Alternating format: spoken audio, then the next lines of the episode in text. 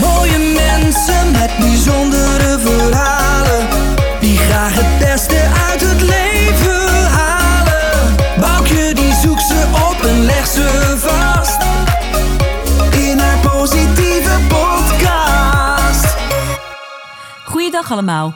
Voor dit interview zijn we zeer gastvrij ontvangen in Amsterdam bij Paul Lomans.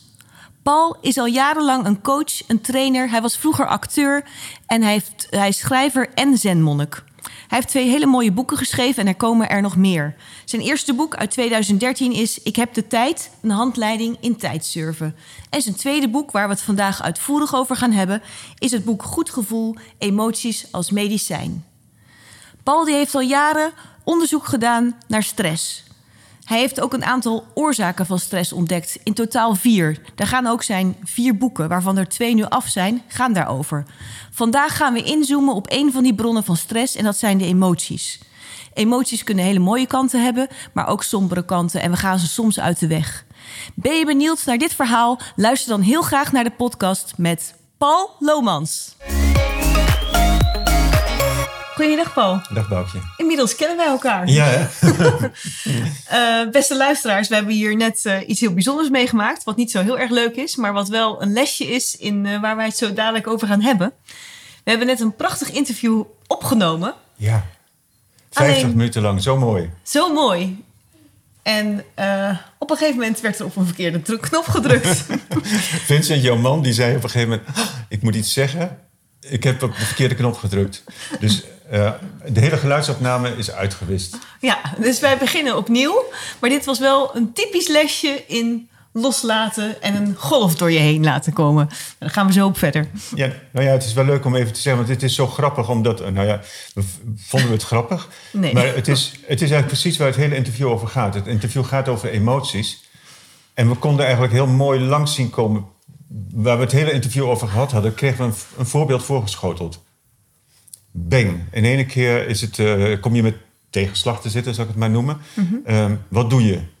En je zag dat de allereerste impuls was eh, negeren. Ja. Dit is niet gebeurd. Ja, Ehm, kun je het nog terughalen? Nee, ik kan het niet terughalen. Geeft niet. Eh, we hebben het ook op de camera staan. Is het zou ook wel goed zijn. Ja. Ja, maar natuurlijk is dat niet goed. Want die camera staat veel te ver weg. Dus dat hoor je helemaal niet goed.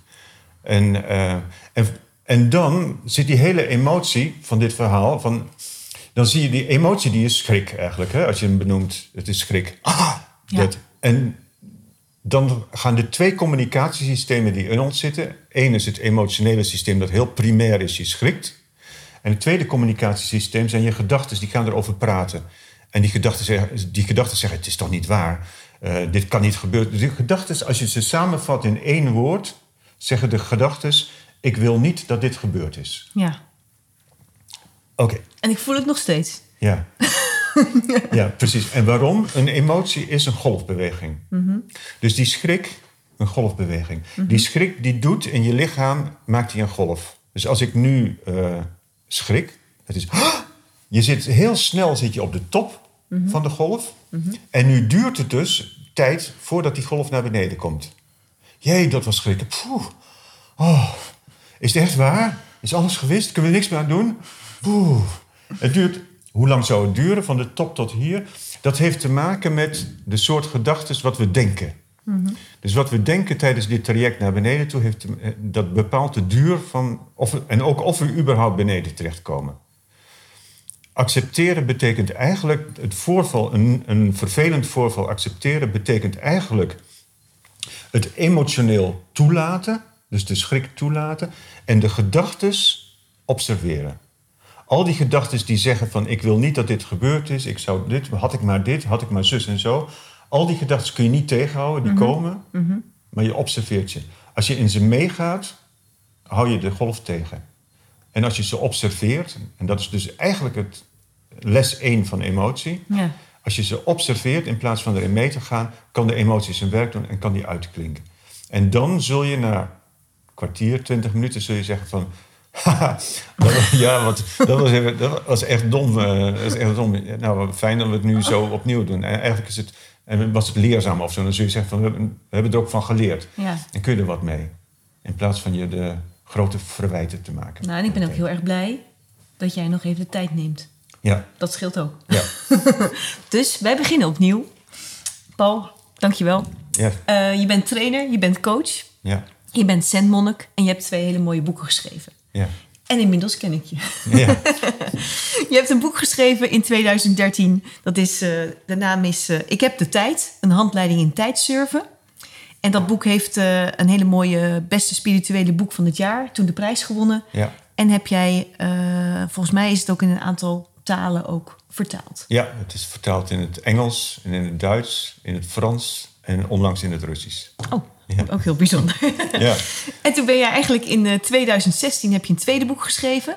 Goed gevoel, emoties als medicijn. En dat is eigenlijk het boek wat eh, ja, op mijn pad is gekomen... en waar ik het heel graag met jou vandaag over wil hebben. En wat we dus nu net aan de lijve hebben ondervonden. we hebben het mogen beleven. We hebben ja. het mogen beleven in al zijn facetten.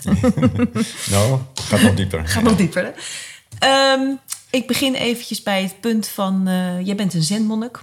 Ja. Nou, als mensen dat horen, hebben ze vast een beeld erbij. Sommige mensen zitten YouTube te kijken, maar sommige niet. Ehm, kan jij ons meenemen in het fenomeen... Nou ja, ik zeg het misschien verkeerd, maar... Wat is een zenmonnik en hoe ben jij... Hoe is dat op jouw pad gekomen?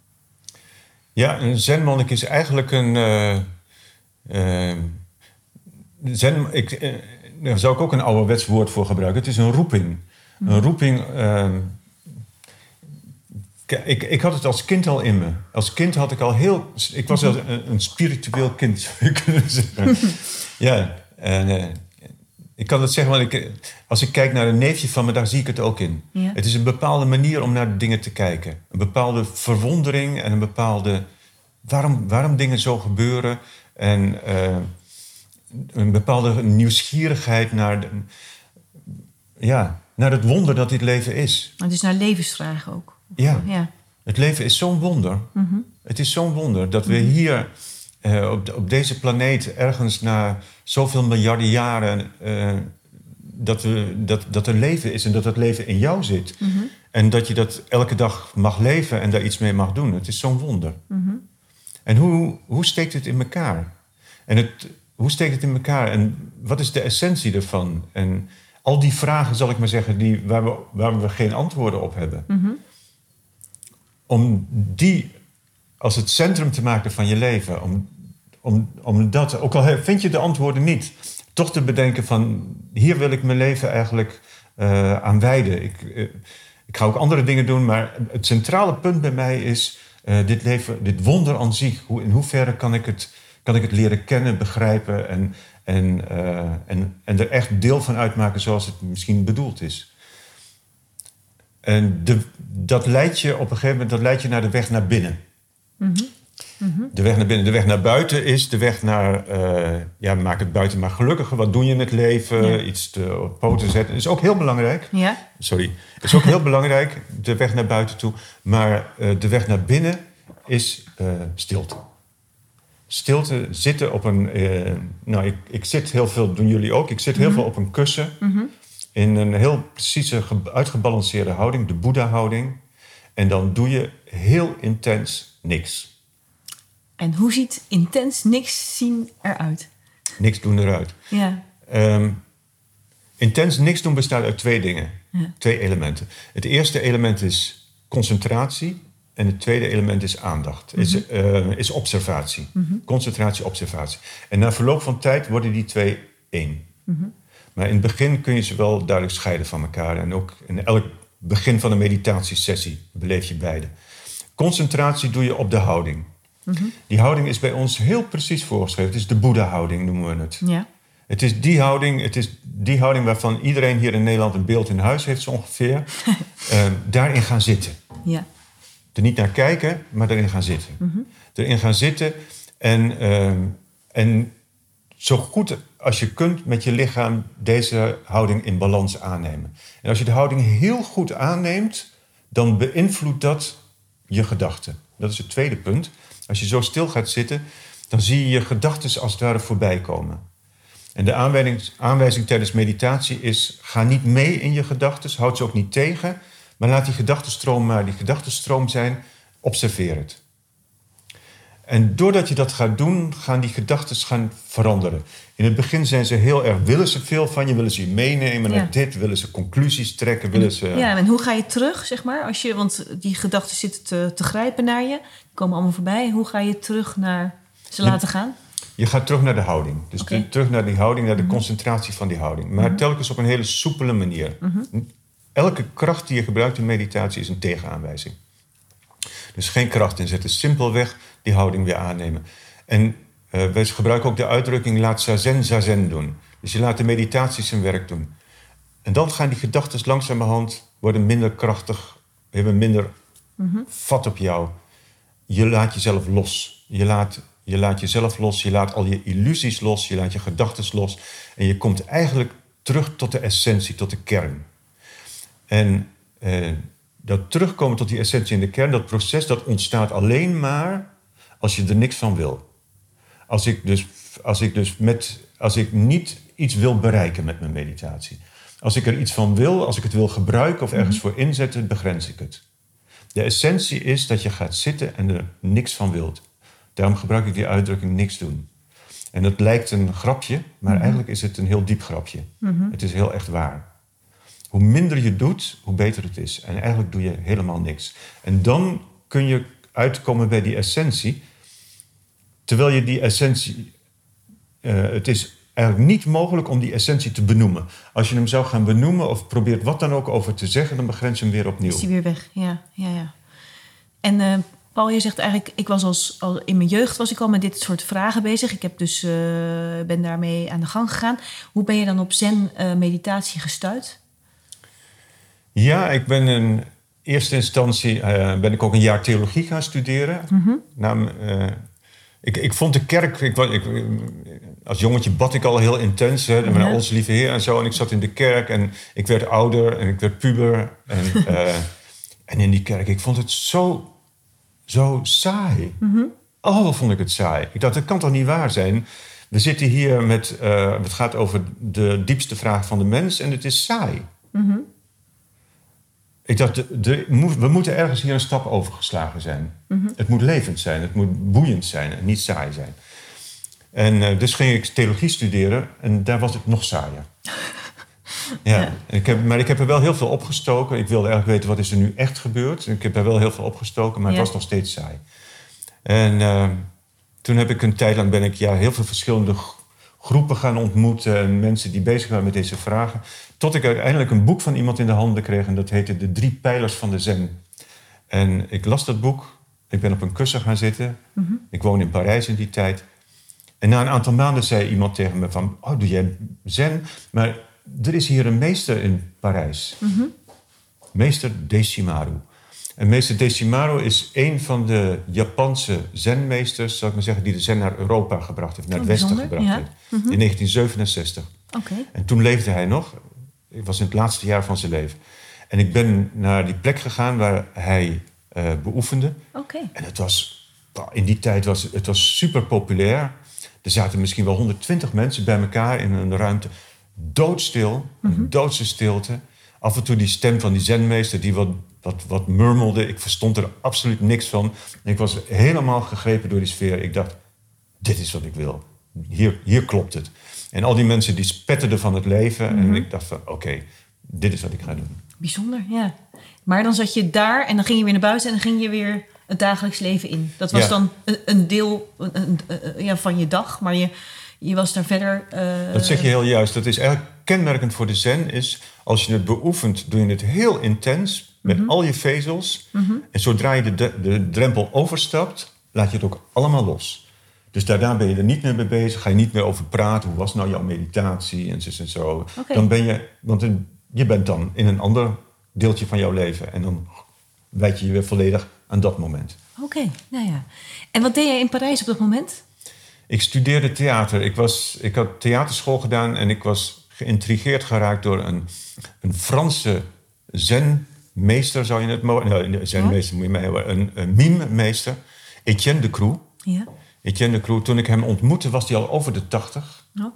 Ja, en hij, hij was in die tijd vermaard. En dan nog actief. Ja, en hij had een hele mime getransformeerd en een hele mooie eh, sobere, esthetische, nieuwe meme geschapen. En mime is zonder uh, meme woorden. corporel noemen we niet. Ja. Wat hij, wat het hij maakte was zonder woorden. Mhm. Later hebben we daarmee gedaan natuurlijk wat wij wilden. En hebben we ook tekst toegevoegd. Maar Ja. wat de crew eh, leerde was zonder woorden. En voor hem ging ik naar Parijs toe. En eh, ja, ik was eh meme-student. Mooi, ja. En ehm, wat heeft jou, eh, als we dan een paar stappen door de tijd eh, gaan... eh, je bent op een gegeven moment, je, je, was, je bent dus al die tijd ben je met het zen beoefenen bezig geweest, maar je bent op een gegeven moment ben je dat fanatieker, of eh, ik weet niet of ik dat goed zeg, maar je bent zen monnik geworden. Dus je hebt ook een, een opleiding eh, daartoe gevolgd. Was dat ook in, in Parijs? Of, eh? Ja, bij ons is er geen opleiding. Oh. Dus eh monnik zijn is een, is een punt in je beoefening. Je kunt het doen of niet, moet Ja. je zelf weten. Maar het is, ik, daarom zeg ik, het is een roeping. Dus Ja. die, die roeping was in mij al aanwezig, al lang voordat ik de zen ontmoet heb. Die roeping in mij is, ik ga onderzoeken en ik stop, ik stop niet. Dat is mijn roeping.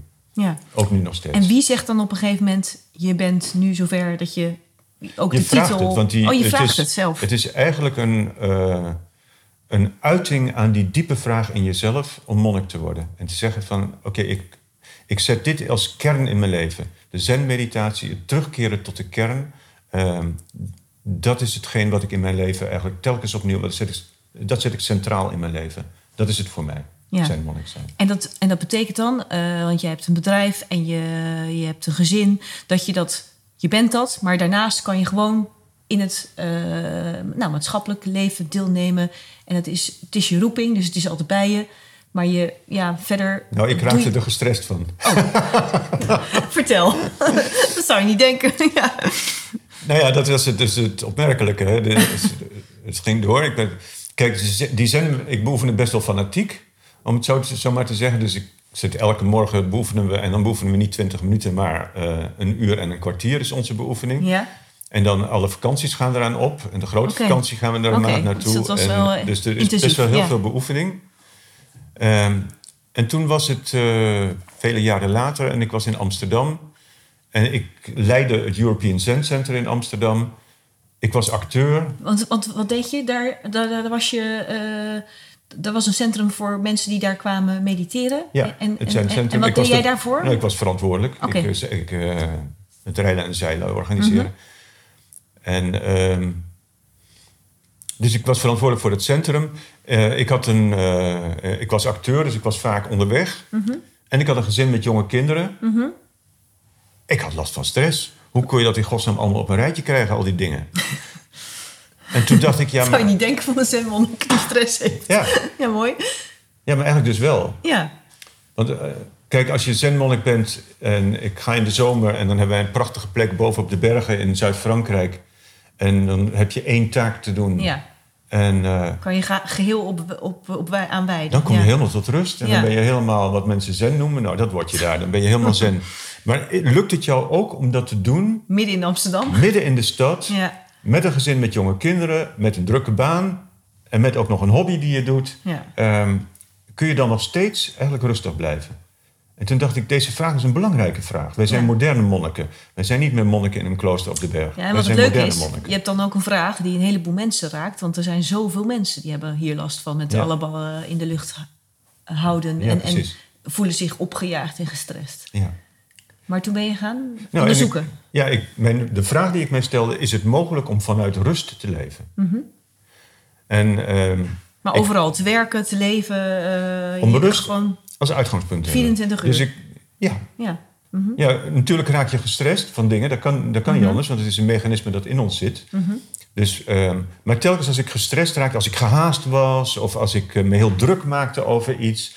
of ehm, als, ik, eh, eh, eh, als het mij niet lukte om alles klaar te krijgen op tijd... Of, ging ik telkens een stapje terug en dacht ik... oké, wacht even.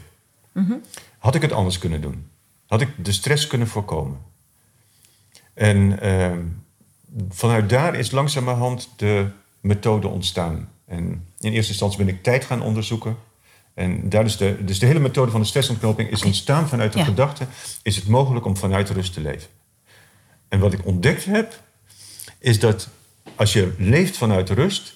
dat je veel effectiever bent. Ja, ja, ja. Dus als je, als je het als uitgangspunt zet, als je denkt van nou, ik wil effectiever worden, Ja, als ik een beetje effectiever ben, dan heb ik meer tijd en dan kan ik eindelijk eens een keertje tot rust komen. Ja. Gaat het je niet lukken. Nee. Maar draai je het om, zet je rust als uitgangspunt, functioneer rustig, Ja. duik je overal volledig in, je dus niet. Mhm. ben je creatief, je doet de dingen op het juiste moment en je bent daardoor veel effectiever. Dat is heel mooi. Even terug, want je zegt naar de methode. Jouw bedrijf heet de stressontknoping. Ja. En daarmee, dat, dat, dat zie je als de methode ook. Zeg je Ja, dat goed? Ja. Van, Het typerende van de methode Mhm. is dat ik stress uiteentrek in vier verschillende onderwerpen. ja, want dan heb jij... eh, je bent, zo noem ik het maar even, een archi- de architect van een heel mooi eh, huis van stressontknoping. Ja. Jij hebt een huis ge- gebruikt als metafoor voor die vier Ja. verschillende gebieden. Ja. Zou je die willen uitleggen aan, eh, aan de luisteraar? Ja. ja, het huis bestaat. De begane grond is hoe ga je om met tijd. Mhm. Dus dat is heel simpel, dat is nu. Lukt het jou om dit te doen en de voldoening in te hebben, de plezier in te hebben? Kun je omgaan met, eh, heb je goed geanticipeerd? Ehm, hoe was de reis hier naartoe? Is die rustig verlopen? Ehm, het opzetten hier van de dingen enzovoort. Ehm, en, eh, straks de nawerk ervan enzovoort. Lukt het je allemaal dat goed te doen? En met de andere dingen die je vandaag te doen hebt... ehm, ben je aanwezig in wat je doet? Geven de dingen jouw voldoening en doe je ze vanuit rust? Ja, dus dat is niet alleen... Dat is een hele andere dan bijvoorbeeld time management of zo. Ja, Heeft er wel mee te maken? Time management probeert vaak effectiviteit Ja. voorop te zetten. Maar dit is ook aanwezigheid. En tijd surfen eh, zet, ja, zet rust voorop. Ja. Eén, aanwezig zijn in wat je doet. Daar gaat het toch allemaal om? Uiteindelijk, want het leven je bestaat alleen aan. maar Ja. Mhm. stukjes tijd. Dus als ik dit stukje tijd heel gehaast leef om straks iets anders te gaan doen, is het, een, ja, Mhm. is het gemorste tijd. Dus hoe kun, je, hoe kun je diep in de tijd aanwezig zijn en de kaarten goed schudden van wat je te doen hebt op een dag en in je leven? Oké. Dat is de begane grond. Ja? Stel, je bent een hele goede tijdsurfer geworden. Er zijn zeven aanwijzingen. Je bent een heel goede tijd. Het lukt jou om dat Mhm. Ja, in jouw boek zitten zeven aanwijzingen. Gaan we nu niet verder op in. nee, Maar dat is het geheim, lees je in de tijd. Ja. En je ga je, dan kun je nog steeds gestrest zijn. ja, En dan komt die stress eigenlijk van de eerste verdieping van het huis. want wat zit daar? Ja, daar zitten onze gedragspatronen. Als jij bijvoorbeeld de, deze activiteit hier Mhm. heel perfect wil doen, Ja, dan gaan we daar last van krijgen. ja. Dan gaan we er last van krijgen, want dan eh, zijn we nooit klaar. Nee, en dan, is het nooit eh, goed genoeg? Precies. Ja. Dus, Dus dat is perfectionisme. die stress die komt uit onszelf. Ja. En eh, perfectionisme, dat, ja, we hebben onderhouden gedragspatronen en Mhm. overtuigingen op de eerste verdieping, die eigenlijk de motor zijn van ons functioneren. En die maken dat we op die begane grond bijvoorbeeld of heel veel tijd voor iets gebruiken, Mhm. of heel veel dingen te doen hebben, want we zijn zo dienstbaar, we gaan iedereen even helpen. Prachtige gedragspatroon, maar daardoor heb je veel, veel te doen op de begane grond. ja. Dus op de eerste verdieping is het hoe kun je jouw gedragspatronen leren kennen überhaupt? Welke zitten er in je? En hoe kun je ze tot rust brengen? En eventueel dingen die je niet zo geleerd hebt in je jeugd, hoe kun je die na, naderhand alsnog ontwikkelen? Oké, Eerste verdieping. dat is de eerste verdieping. Ja, Onder deze tafel, ja. onder deze tafel zit eh, emoties. Emoties is eigenlijk, emoties is, ehm, die emoties die, die komen ook omhoog in, die eerste, in, de, in de begane grond. Emoties is alles nou, wat we net beleefd hebben. ja. Ja, dat was één grote emotie. Ik Ja. stel voor dat we daar zo op terug... Ik vertel even de vierde verdieping. Ja. En dan gaan we... Want we willen Gaan het we hebben over die kelder. Dus de vierde verdieping is communicatie en assertiviteit. Dus als je in een situatie zit... En wat is dat van het huis? Dat is... dat het- is het dakterras. Oké, dat is helemaal bovenin. En in het dakterras is het handig dat je zichtbaar bent. Mhm. Zichtbaar voor je omgeving. Dat wil zeggen, heb ik bijvoorbeeld vanmiddag nog heel veel te doen? Of eh, is het handig dat ik dat weet te communiceren? Ehm, als, ik, eh, als wij vinden dat dit gesprek op een, of andere manier anders moet... Mhm. is het handig dat we dat weten duidelijk te maken aan elkaar. Dus dat is communicatie naar anderen toe. Ja, naar je omgeving Externe toe. Dat is de communicatie. Mhm. vierde, vierde verdieping. In alle vierde verdiepingen is het belangrijk dat je jezelf leert kennen. Goed weten om te gaan met tijd, Mhm. je eigen gedragspatronen kennen, je emoties weten te reguleren en door je heen te laten gaan en goed zichtbaar zijn naar je omgeving. En als je die vier elementen kent, dan eh, kun je goed vanuit rust functioneren. Ja, en, dat, dat zijn dus ook die bronnen die ook stress aanwakkeren als dat dus niet lekker functioneert. Ja, Dat is, eh, precies. In welke situatie dan ook, als je stress ervaart, spelen ze allemaal mee. ja, maar het kan dus ook zijn dat je één heel goed eh, kan, zeg maar even. Ja. Maar dat je dan een andere, eh, die werkt wat minder. Ja. Dan heb je alsnog stress. Ja. Dus, dus al- eigenlijk zou je ze alle vier op orde moeten hebben. In het meest eh, geweldige geval. Het is, Is- leuk is- als je ze alle vier kent. Ja. Want het grappige is van die aanwijzingen die ik dan geef in het Mhm. boek. Mijn aanwijzingen zijn niet van doe dit er nog bij en daar, ben daar een beetje gedisciplineerder. Want dat zou namelijk niet werken. Mhm. Mijn aanwijzingen die wijzen naar natuurlijk gedrag. Hoe zijn de dingen op een natuurlijke manier bedoeld? Dus ik heb de tijd, tijdsurfen wijst naar onze natuurlijke manier van omgaan met tijd. Mhm. En wanneer raak je die kwijt? En eh, emoties gaat over hoe zijn emoties bedoeld en wanneer doe je het anders. Ja. Dan wil ik, eh, vind ik het wel leuk. Ehm, ik heb er eigenlijk voor gekozen om het vooral eh, te gaan hebben over je boek Goed Gevoel. Emoties als medicijn, als mooie ondertitel.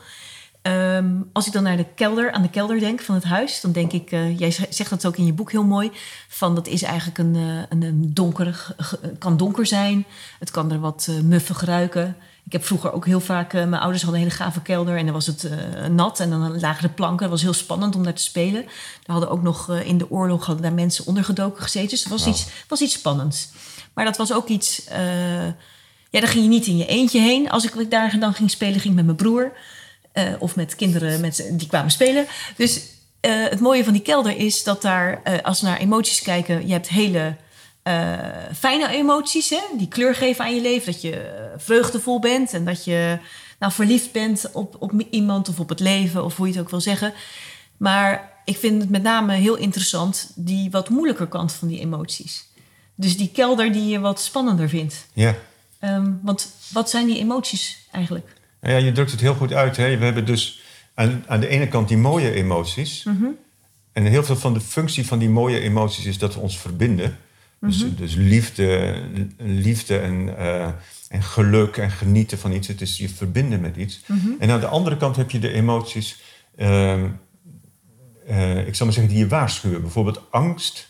Angst is een emotie die je waarschuwt. Pijn ook, als je iets aan... Ja, het, wa het waarschuwt je. Ja, Angst en, en dan hebben we nog de emotie verdriet. ja. Verdriet die eh, eigenlijk hoort bij verlies, verlies van een dierbare. Of, bijvoorbeeld. Ja. Maar ik kan ook een kopje laten vallen en het heel erg vinden. ja, of, of je Of huis uit moeten, omdat ja, je niet meer kan baan betalen. kwijtraken. Ja, mhm. Ehm, en dan heb je nog bijvoorbeeld eh, emotie boosheid, woede. Denk ik heel boos kunnen worden. Mhm. Ehm, nou, dan hebben we eigenlijk de belangrijkste primaire emoties al genoemd. En waarom En zeg jij primaire? Je hebt ook nog secundaire emoties. Ja, Secundaire emoties zijn bijvoorbeeld... zijn typisch menselijke emoties. Schaamte. Schaamte, ik schaam me dat dit net gebeurd is. maar bedoel je dat het een afgeleide is van iets? Of met secundaire of niet? Het grappige is bij, eh, bij mensen... Bij, kijk, emoties eh, zitten al ongeveer... eh, nou, ongeveer, ja, zitten al honderden miljoenen jaren in ons systeem. Ja, Wij delen de emoties met hogere zoogdieren. Dus eh, onze hond Gizmo heeft ongeveer dezelfde primaire emoties als ik. En een paard ook, en een olifant ook. ja. Ehm, En het toch zijn we denken- anders. ja. Het denken zit 5 miljoen jaar is het geleden is dat in ontwikkeling gekomen. Ja. Het denken is eigenlijk praten met onszelf. Mhm. Honderden miljoenen jaren, emoties, praten 5 miljoen jaar. Dus wij beleven dingen en die emoties gaan door ons lichaam heen en tegelijkertijd praten we erover. En als nou dit praten en denken erover, als we nou zeggen over zo'n emotie, ik wil dit niet, dan hebben we een probleem. Dus dat is een gedachte of, of, of, Ja. of iets wat je uit. Ja. Als, je de, als je denkt over een emotionele situatie, ik wil dit niet, heb je een probleem. Want wat gebeurt er met een emotie? Stel, ik, ik neem het emotie wat ons net gebeurd is. Ja. Hè? Vincent drukt op een knopje, woem. alle, ehm, ja, alle, alle geluids eh, is weg. Ja, Wat voor emotie heb je? Schrik. ja, Dan, eh, dat is de, eh, een milliseconde later komt een gedachte te- in je op en die gedachte zegt, ik wil dit niet. ja. Ik wil niet dat dit gebeurd is. De emotie is een golfbeweging begonnen. Die gaat omhoog en hij zit hier op de top van de golf. Om die emotie naar, weer naar beneden te krijgen, moet je hem laten, komt een nieuw woord, moet je hem laten uitklinken. En wat bedoel je met uitklinken? Een emotie kun je niet afzetten. Je kunt niet stoppen, zeggen, oké, eh, dit voorbeeld, het is nu voorbij, dit is nu gebeurd, ik wil nu niet meer dat negatieve gevoel in mijn lijf hebben. dat kan niet. Nee. Je kunt hem niet afzetten. Je moet hem laten uitklinken, als een golf. En hoe doe je dat concreet? Nou, ik zat dus hier ja, ja, en nu laat ik hem uitklinken. ja, Dat is, oh, jee, dat is schrikken. ja. Poeh, nu laat ik hem uitklinken, maar er zit geen gedachte tussen. Ik laat hem alleen maar uitklinken. Jee, dat was schrikken. Maar als ik nu tussendoor ga denken, ik wil dit niet, ik wil dit niet, Ja. dan ben ik als het ware aan het duwen tegen die golf. ja. En die golf zit hier en als En ik er tegen dus aanduw, gaat die golf omhoog en wordt die eigenlijk sterker. Oké. En dan krijg ik een grote knoop in mijn lijf hebben Mhm, zitten. En die knoop die zegt, ik wil niet dat deze situatie gebeurd is. En tegelijkertijd vind ik het heel vervelend. En dat is een, een, een situatie waar we ons vaak in bevinden. Ja. Namelijk het weigeren van emotioneel te voelen wat er met ons gebeurt. Mhm. Die emotie is heel simpel. Die emotie die zegt eigenlijk alleen maar, let op. ja, een soort waarschuwingssignaal. Ja, En- let op. ja. mhm. En, en op het moment dat jij die emotie durft te voelen, hebt die ook weer weg en is die klaar. Maar op het moment dat je hem niet durft te voelen, blijft die in je zitten. En dan krijg je typisch menselijke secundaire emoties, zoals schaamte, oh wat stom van mij, schuldgevoel, eh, rancune, ehm, ik ga nog maar even door, jaloezie, eh, haat tussen mensen. Al die menselijke emoties die ook heel ontstaan, heftig worden, ja. die ontstaan, depressie, depressieve gevoelens ontstaan omdat we met onze gedachten iets doen met de emotie. Ja, ja. En dan zijn natuurlijk ook, eh, dat is natuurlijk best logisch, tenminste, het is een logische reactie voor mensen, hè, dat je hem wil stoppen, want je wil geen pijn, want je wil allemaal, eigenlijk wil je allemaal een goed gevoel hebben. Of je nou een, eigenlijk werk je allemaal toe naar geluk of een goed gevoel of iets fijns. En Ja. dat andere wil je niet, dus je kan jezelf eh, verdoven door eh, te gaan zeppen of je kan eh, alcohol gaan drinken. Maar jij zegt eigenlijk, je moet hem toelaten Ja, voelen. voelen. Ja. En de gedachten moet je opzij zetten. Want die gaan natuurlijk wel komen. De gedachten moet je, je moet goed bekijken wat voor gedachten je hebt. Ja, Sommige gedachten zijn welkom. De eh, gedachten, hoe gaan we dit oplossen? Wat is er gebeurd? Dat zijn welkome gedachten. Maar de gedachte, oh, had ik, maar niet, had ik maar dit maar niet gedaan, is geen gedachte waar je iets aan hebt. Je kunt die gedachte niet tegenhouden. Die komt omhoog. Wat je wel kunt doen, en dat is dan het grote geheim, je kunt die gedachte observeren. ja, maar je moet hem dus ook herkennen. Je herkent hem, Ja. hij mag er zijn, maar je gaat er niet in mee. En daar zie je meteen ook de lijn eigenlijk naar de meditatie, want dat is precies ook wat je tijdens meditatie doet. Dus het observeren van gedachten. En om dat makkelijk te maken, heb ik in het boek Goed Gevoel die emoties ook benoemd, of de gedachten benoemd. Ja, nou zijn het natuurlijk ook een heleboel hele heftige emoties. Kijk, wat er net gebeurde hier was inderdaad een vervelende emotie. Maar die is nog te doen, hè? Omdat Ja. jij daar heel eh, schappelijk mee omging. En jij eigenlijk ons ook geruststelde, Vincent en mij. Heeft dat ook heel erg geholpen. Dus we hebben hem al redelijk... eh, ik voel me nu ook een stuk beter dan een kwartier geleden. Maar als je het hebt over echt heftige dingen... Kijk, dan, eh, als dit nieuw is voor mensen... Voor mij was dit ook nieuw toen ik het las. Als je het hebt over verlies... Hoe kan je dan concreet zo'n golf toelaten? Want je zit op dat moment, zit je er vaak toch wel middenin. Dan, dan moet je toch eigenlijk ook, eh zit ik nu te denken, bijna beoefend zijn om hem toe te laten. Of Ja, maar ja, als je een dierbare verliest of je, eh, iemand om je heen is heel erg ziek en je hebt daar, ja, hoe, hoe ga je daar dan cre- concreet mee om? Ga je zitten? Ga je, ehm, door durven te voelen. ja, Door durven te voelen.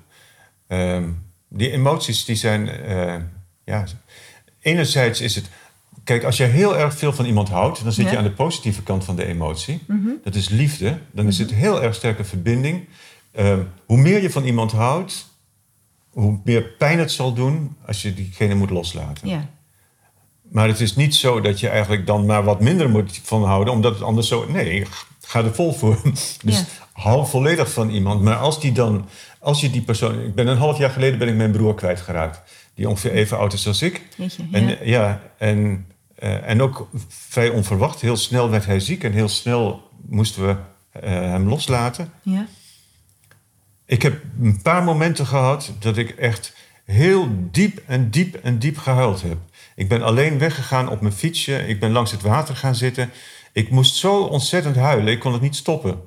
En, ehm, en ik wist ook dat dat functioneel was en dat ik dat gewoon moest toestaan. En ik had ook niemand nodig met een arm om me heen of iets dergelijks. Het was gewoon mijn, ehm, mijn broer was dood en ik moest zo ontzettend huilen. en het, het mooie is, als je dat echt diep durft toe te laten, dan opent zich daarna een nieuwe weg. Een nieuwe werkelijkheid. Door de emotie door je heen te laten gaan en de golfbeweging eigenlijk te volgen. En dus de, de eigenlijk is dat een rouwen. Ja. Dus de, die, eh, het, het verdriet te durven voelen, diep te durven voelen. Kom je daarna op een plek terecht waar je... eh, ja, hoe moet ik dat zeggen? Ik voel mij nu eh, diep verbonden met mijn broer. Het is alsof mijn broer ehm, in mij leeft. Ik kan hem, ik kan hem eh, te- nu, terwijl ik met je praat, ik kan hem voelen. En eh, wat voel ik dan? Ik voel de liefde. En- dus eigenlijk heb je iets heel negatiefs, heb je om weten te zetten tot, tot een hele mooie... Ja, en volgens mij zet ik helemaal niks om, maar is dit gewoon de kern van ons leven? Ja. De kern is, is die liefde. Die liefde is aanwezig. En als ik, eh, als ik eh, mijn gedachten niet te veel laat interfereren met de eh, golfbeweging van, de, van het verlies, Ja. dan kom ik vanzelf uit bij de liefde. Dat is de natuurlijke weg. ja, en is dat eigenlijk is dat dus op dat moment verwerken? Maar dat is dus dat je dat direct ook toelaat. Ja, verwerken wil eigenlijk zeggen dit, de, pijn te de pijn en het verdriet te durven voelen. En het niet uit de weg gaan. Ja, Naar binnen gaan. ja. Ik heb ooit een keer een meneer, hier, een meneer gehad die ik mocht begeleiden. En ehm, het is een, ik vertel dit verhaal omdat het typisch duidelijk maakt van eigenlijk wat je, wat je te doen hebt. Ja, Hij had zijn zoon verloren in heel dramatische omstandigheden. Ehm, hij was een echte Amsterdammer en hij kwam hier binnen en ging aan tafel zitten en zei... eh, ja, ik zeg het je meteen, zei hij. eh, als ik, eh, want je bent boeddhist, hè? Dus als ik er niks mee heb, dan ben ik ook meteen weer weg. Maar we hadden eigenlijk meteen ook een klik met elkaar. Dat wist hij eigenlijk ook wel. En ehm, hij was zijn zoon kwijtgeraakt en hij vertelde over het huis waarin hij woonde. En dat er de kamer, het kamertje van zijn zoon, die was dicht. Het was, ehm, ze hadden die deur niet meer opengemaakt. Na de dood van zijn zoon had die deur dichtgegaan en was niet meer open. te pijnlijk. Ja, dat is heel symbolisch. Die deur was niet alleen dicht in het huis zelf, die deur was ook dicht in zijn gevoel. Oké. En eh, ik zei tegen hem als eerste opdracht: probeer eens die deur simpelweg te openen en te gaan kijken. En je doet verder niks, je kijkt in de kamer, je voelt wat je voelt en verder doe je niks. En hij kwam de volgende keer terug en was het, had het heel heftig gevonden, maar hij had het wel gedaan. Toen zei ik, nou, volgende opdracht, nu ga je naar binnen toe. Ga in de kamer naar binnen toe, ga op een stoel zitten en doe niks. En ga, ga voelen. En dat leidde ertoe, dit verhaal leidde ertoe dat hij na een maand, als hij iets belangrijks had te doen, ging hij naar het kamertje van zijn zoon toe. Daar hing een, een, een gitaar aan de muur, want zijn zoontje had die gitaar leren spelen. En hij ging liedjes spelen, tokkelen, in de kamer van zijn zoon.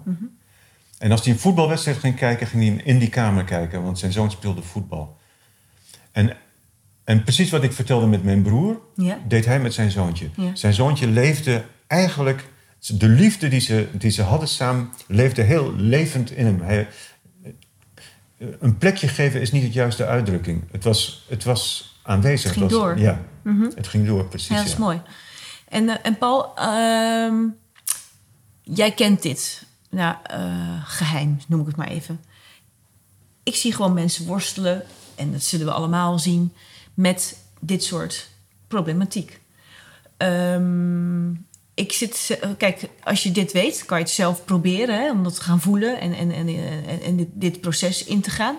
Hoe zou je mensen om je heen hiermee kunnen helpen? Zou je zeggen van, alsjeblieft, ik heb een heel goed boek, lees het en eh, misschien kan het je helpen?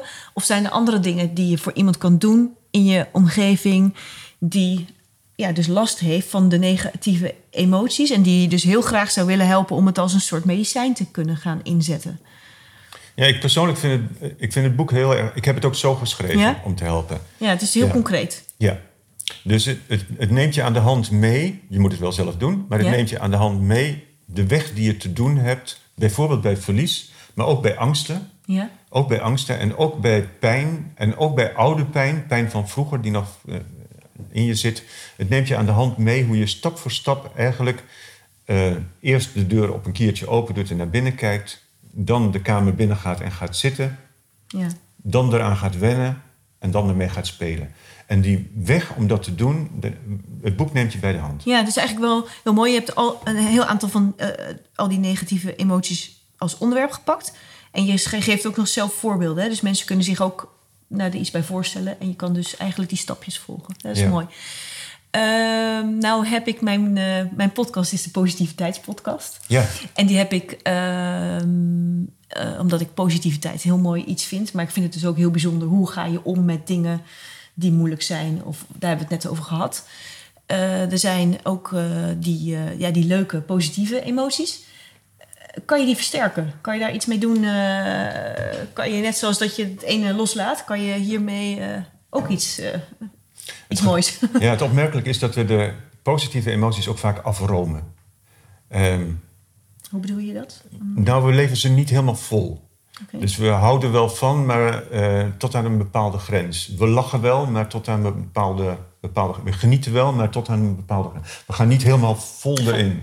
Oké, en, en is dat iets omdat we ons schamen, omdat we niet al te gek willen Ja, doen? Of we we doen niet- gewoon, doe je al Ja. gek genoeg? Is dat Ja, het? je stelt je de hele tijd een beetje kwetsbaar mee op... als je echt, echt je emoties vol durft te voelen. Mhm. En je, eh, ik vind Ramses Shaffi zo'n mooi figuur van, van... ook zijn liedjes die hij doet. Hij ging er vol in. Ja. Waar kwam die uit? Niet ver hier vandaan. In een, eh, ja, in, in een, eh, hij, hij dronk te veel, dus hij, hij had Korsakov. Ja. En hij, hij kon die emoties ook niet managen. Dat is het, het risico van... Hij had pijn in zijn jeugd en heeft het niet, niet gelukt om dat, om dat op te lossen in zichzelf. Terwijl hij wel volledig in de emoties ging. Ja. Dus het is, waar we het wel doen, waar we het makkelijk vinden om te doen, is in een film. Als we in een film dan leven we in sport, dan gaan we juichen, ja, dan kunnen we ons volledig laten gaan. In een achtbaan kunnen we gillen, "Ah!" en dan vinden we het heerlijk om emoties helemaal. Maar, daar, maar zodra het het echte leven betreft, dan romen we het af en houden we het onder een bepaalde grens. Terwijl eigenlijk echt kwetsbaar zijn, kwetsbaar durven zijn, is ook eh, in het directe leven die emoties durven te voelen en te laten zien en te tonen. En ook volledig te zijn. ja. Want dan, ja, dan, dan laat je het ook aan de ander zien en je kan er volledig dus eh, zelf ook eh, jezelf ermee zijn. Ja. Je hoeft het niet in te houden. Eigenlijk net zoals die, die golf die niet tegenhoudt. Dit kan je ook gewoon uiten. Ja. Ja, mooi. Ehm, Paul, ik heb ehm, jou ook nog gevraagd om eens even na te denken over een levensmotto. En Dat vind ik Ja. altijd leuk van, van mensen te horen van eh, wat hen drijft. En wat ze bijvoorbeeld als je hier eh, in je kamer een tegeltje zou ophangen, wat zou je erop zetten voor anderen? En, en wa- wat vind je zelf belangrijk? ja, ik heb jou daar het antwoord eigenlijk al op toegestuurd ook. Ja. hè? En eh, ik, heb, ik heb je gezegd, ik heb veel motto's. Dus ik moet ja. er eentje ja, uitkiezen. je moest kiezen, hè? Ja, bijvoorbeeld, ik heb de tijd is al een motto van de titel van het eerste boek. Maar als motto dan voor dit gesprek heb ik dan uitgekozen: eh, ik heb vertrouwen. En dat is omdat wij weer met ons denkende systeem, eh, wij zijn in staat om heel veel beren op de weg te zien. Wij mensen, wij kunnen onze, de toekomst realiseren. Wij weten, misschien weten dieren het ook wel, maar wij kunnen erover nadenken. Wij weten dat we sterfelijk zijn. Ehm, wij kunnen ons allerlei gevaren voorstellen om ons heen, die wel of niet gaan gebeuren. Ehm, en daar vervolgens emoties over hebben. Ja, maar dan ben je dus niet in het nu, dan ben je al vooruit aan het lopen. Dan, eh, Ja, en, en dan heb je dus heel veel emoties die gebaseerd zijn op virtuele situaties. Eh, hetgeen maakt dat we eigenlijk niet vrij durven te leven en in vertrouwen durven te leven. Omdat we altijd het gevoel hebben dat we ons moeten vasthouden, omdat er van alles kan gebeuren in het leven. En we ons dat voor te stellen. Om dat allemaal los te laten, je mag het je wel even voorstellen, maar dan ook weer los te laten. En als, als kern van je leven te nemen het vertrouwen, dat is eigenlijk wat ik voorstel. Ik beschrijf dat in het boek Goed Gevoel. Beschrijf ik, je hebt positieve emoties aan de ene kant. Die geven golven, golfbewegingen. Ha, ha, ha, en, oh, oh. en aan de andere kant heb je de negatieve golven. Je schrikt van dingen, je hebt verlies. En, de- en als al die golven tot rust komen, wat blijft er dan over? Dan blijft er voor mij over de zee van rust en vertrouwen, noem ik dat. Mooi, Hoe mooi zou het zijn als jouw basis zou zijn waar je telkens in terugkeert, de zee van rust en vertrouwen als uitgangspunt. In alle situaties. Ja, In werken, in vrije tijd. In, eh, Als basis van je leven. En daarop ontstaan de golven en gebeuren de dingen. En als er niks gebeurt, en dan keer je weer terug naar de zee van rust en vertrouwen. Ik heb vertrouwen. Wat er ook gebeurt, ik ga er wel mee om. Ik geef het betekenis. Ik, ik laat het binnenkomen. Ik laat het toe. Mooi, ja, heel mooi. Paul, ehm, we hebben, ik vond het heel mooi om even over dit boek te, te spreken. Ehm, we hebben het net over de vier verdiepingen van het huis gehad. Dus betekent dat soms ook dat er nog uh, meer boeken zitten aan te komen? Want je hebt twee boeken. Ik ben momenteel het derde boek aan het schrijven een derde boek over gedragspatronen. Ik zit er middenin, dus ik ben helemaal zo. Uh, Leuk, ja, ja. vanmiddag weer aan schrijven. Ja? En heb je daar een, uh, heb je enig idee wanneer je dat uit wil geven? Of, uh, of zet ik nu de druk te veel erop? Nee, het is, een boek schrijven is een heel apart ding om dat goed te doen. Dus ik, ik raad mensen ook aan die dat doen om jezelf een termijn te zetten. Ik noem dat geen deadline, maar een termijn. dus, Klinkt vriendelijker. Ja, het rare woord deadline. En de termijn die ik mezelf gesteld heb is over een maand wil ik eigenlijk het grove manuscript klaar hebben. En ik lig goed op tempo. Oké. Ik lig goed op tempo. Dat wil niet zeggen dat het boek dan al klaar is. Dat zal een half jaar later zijn. Maar het grove manuscript staat er dan.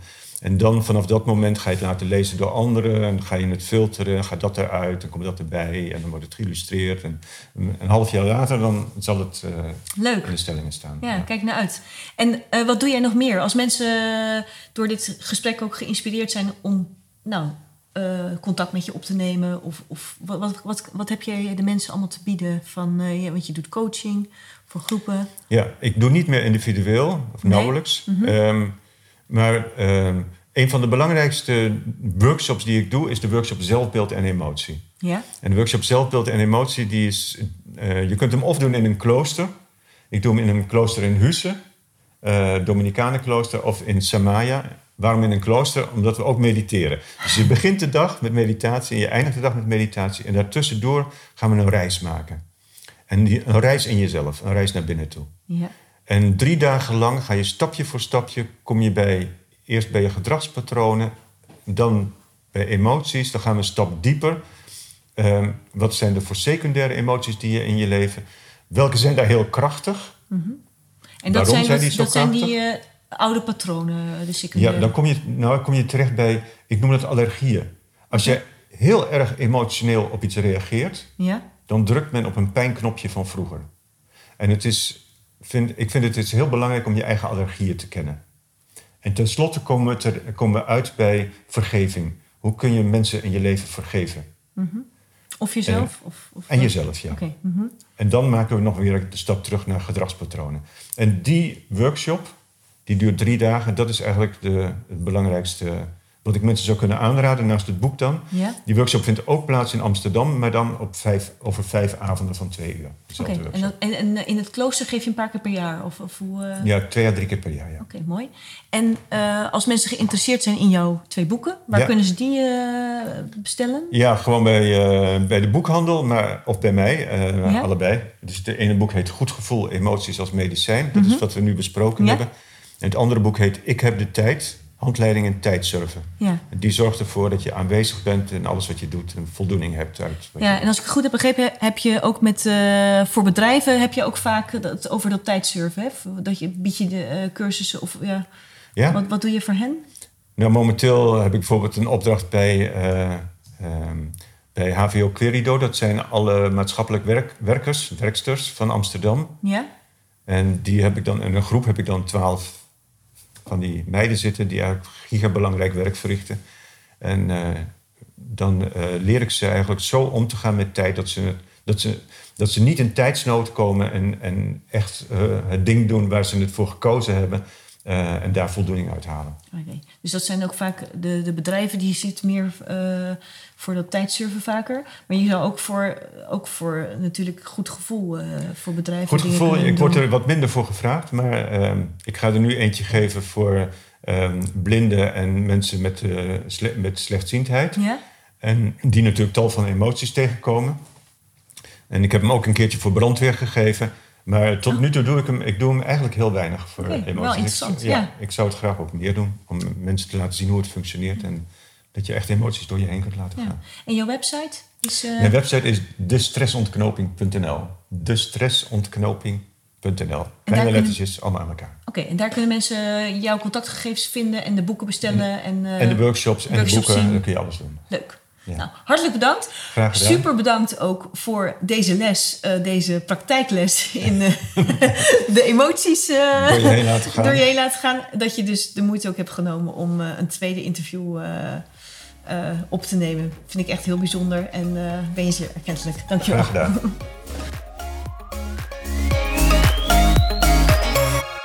Hartelijk bedankt voor het luisteren. Ik hoop dat je er wat aan hebt gehad. En ik hoop dat jij die emoties voortaan niet uit de weg gaat. Dat je die mooie emoties ten volle gaat nemen. Dat je vol in de golf gaat. En bij de negatieve emoties dat je dit verhaal nog eens in je achterhoofd houdt. Misschien het boek ook, openslaat. En probeert die golf te laten uitklinken. Vind je het leuk om eh, mee te doen aan de winactie? Paul Lomans heeft een mooi boek ter beschikking gesteld. Het boek Goed Gevoel, Emoties als Medicijn. Ga dan naar mijn website boukjejongendijk.nl slash paul, en geef je op voor de winactie. Hartelijk bedankt en tot over twee weken. Dag!